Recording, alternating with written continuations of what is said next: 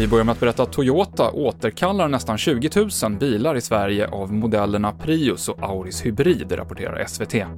Bilarna är tillverkade mellan 2013 och 2020.